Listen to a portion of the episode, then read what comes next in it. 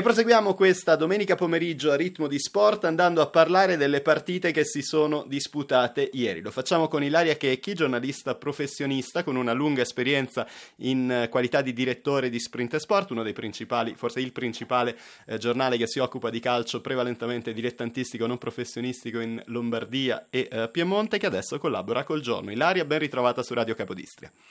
Grazie, buongiorno a tutti, buongiorno Antonio. Allora, partiamo subito dal big match di ieri sera. Milan batte Lazio 1-0, decide un calcio di rigore di Chessi nel finale. Che partita è stata? Tu eri lì. È stata una partita molto molto tesa, è stata una partita per a lunghi tratti equilibrata, anche se secondo me, a mio avviso, nel primo tempo la Lazio ha fatto qualcosina in più, mm, gli è mancato giusto il guizzo, il guizzo finale, ha colpito anche un palo con, con Immobile, una partita tesa per decisioni discutibili dell'arbitro, un rigore prima dato al Milan e poi immediatamente tolto uh, tramite la VAR. Perché non Dopo c'era, insomma, vabbè. Non okay. c'era, okay. non c'era assolutamente. Dopo 5 minuti invece giustamente l'arbitro dà il rigore al Milan per l'entrata di Durmisi che era veramente scomposta e immotivata francamente. Difficile non dare quel rigore lì, eh, Difficile assolutamente non darlo. Quello che dico io è che dopo 5 minuti, quindi eravamo veramente sul finale di partita, contatto Rodriguez,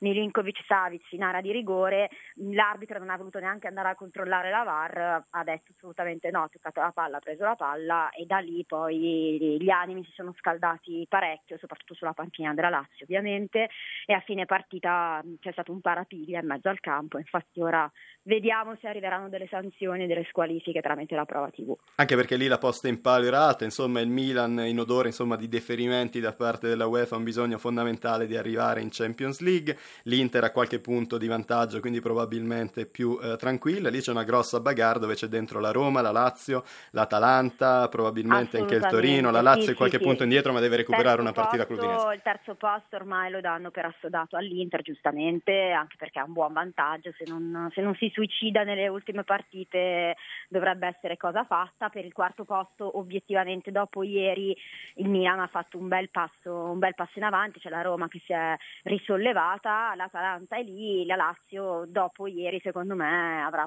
più difficoltà, è vero che ha anche un recupero di campionato da fare con l'Udinese mercoledì prossimo, quindi potenzialmente ha tre punti in più per rientrare un po' nella, nella bagarre finale, però qui almeno le voci, non so perché se sono in Lombardia o cosa, comunque danno le due milanesi prossime eh, partecipanti alla Champions League, insomma, con le romane stromesse. L'altra partita è la Juventus che ha perso contro la Spal, insomma ha fatto giocare la linea verde, la mia domanda è ovviamente tutto in prospettiva della partita contro l'Ajax, secondo te eh, è stato meglio così, quindi rischiare di evitare degli infortuni a dei giocatori chiave, quindi arrivare a questa partita più riposati, o forse sarebbe stato meglio vincere lo scudetto e arrivarci belli carichi dal punto di vista emotivo e eh, dell'entusiasmo? Ma, mh, secondo me hanno fatto una scelta logica e giusta e difensivista perché secondo me infatti era molto più importante preservare i titolari per, per, l'impegno, il vero e unico e solo impegno che, che, ha la Juventus dall'inizio dell'anno perché lo scudetto comunque l'ha vinto praticamente dopo due mesi di campionato, non è mai stato messo in discussione,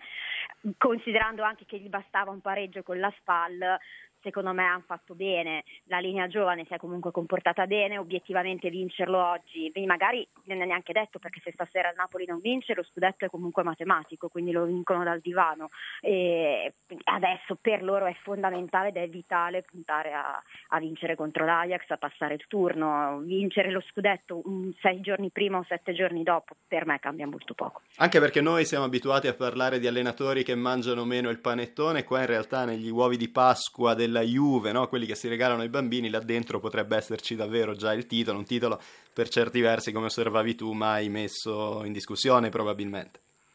Ma assolutamente, assolutamente. E questo purtroppo è il brutto del campionato italiano da un po' di anni a questa parte. Per fortuna quest'anno c'è la lotta alla Champions che sta rendendo avvincente quantomeno interessante il campionato, perché se si dovesse guardare solo alla prima posizione davvero non ci sarebbe storia. C'è da chiedersi per quanti anni sarà sempre così, sarà ancora così, se, se ormai bisogna abituarsi a un predominio della Juventus oppure se ci possono essere delle, delle nuove protagoniste delle sorprese, è ovvio che la Juve fa il suo e sta facendo benissimo, il problema sono tutte le altre, quindi le vecchie glorie, se vogliamo definire così, un Inter, un Milan, ma lo stesso Napoli che comunque è il principale concorrente della Juventus, è stata l'unica che gli è stata dietro quantomeno per buona parte del campionato, adesso ormai il, il divario è, è immenso, non, non, non, credo che siano anni che tra l'altro non ci sia uno scudetto aggiudicato così presto, prima della fine del campionato. Lì c'è anche, la, c'è anche la bagarre salvezza che quest'anno ci sta regalando davvero tante soddisfazioni, guardarla con un po' più di attenzione. Io da un po' che vado ripetendo questa cosa quando guardo all'Ajax,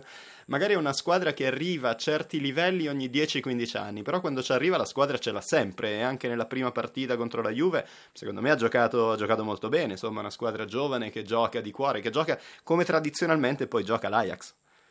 No, ma infatti secondo me anche, anche secondo me hanno fatto, una, hanno fatto, un'ottima partita. È ovvio che adesso c'è, una, c'è un ritorno uh, da vivere eh, allo Juventus Stadium uh, dove, tutto, dove, tutto, può cambiare, dove gli equilibri si spostano. Però l'Ajax secondo me è stata una delle sorprese di quest'anno, si sta comportando benissimo. Se dovesse passare il turno a discapito della Juve, per me non ci sarebbe nulla da nessuno scandalo a cui gridare, insomma, considerando poi l'eliminazione del Real Madrid. Credo che sia veramente una, un'ottima stagione e lo sarà indipendentemente dal passaggio del turno. Ricordiamo che comunque la Juventus ora ha il vantaggio di, di giocare in casa e avendo un CR7 comunque che fa sempre la differenza, non, non, gli si può dire niente, insomma, dovessero essere eliminati i giocatori dell'Ajax.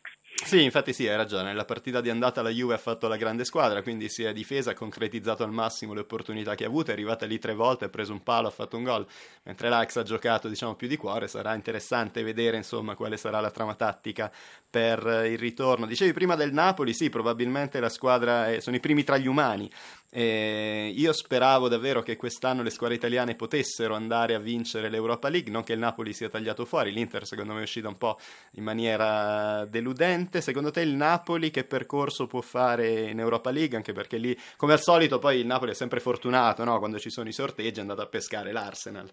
Esatto, esatto, esatto. No, allora io penso che adesso servirà giustamente un'impresa. Secondo me tutto si, si, capisce subito dal primo quarto d'ora di gioco. Dal primo quarto d'ora di gioco della partita si capisce subito che Napoli sarà e se ci sarà davvero la possibilità di ribaltare il risultato o meno. Mm, perché lo capisci subito dalla mentalità, dal mood, bisogna capire se la sconfitta è stata uh, metabolizzata e trasformata in uh, cattiveria, aggressività giusta, l'agonismo giusto per ribaltare oppure è stato un contraccolpo psicologico cui, da cui poi non, i giocatori di Ancelotti poi non riescono a, a, recuperare e si lasciano comunque andare sapendo che ovviamente avendo un risultato da ribaltare è tutto più difficile.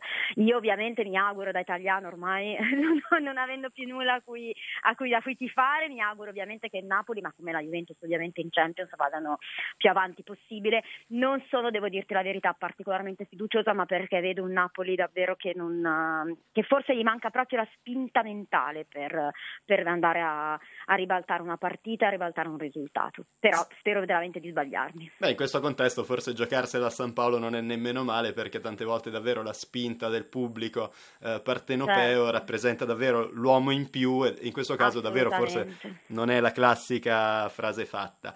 Eh, Ilaria Checchi, eh, collaboratrice del giorno, grazie mille per essere stata con noi in questa domenica pomeriggio grazie a Ritmo di Sport. Grazie a te, grazie mille, buona giornata a tutti.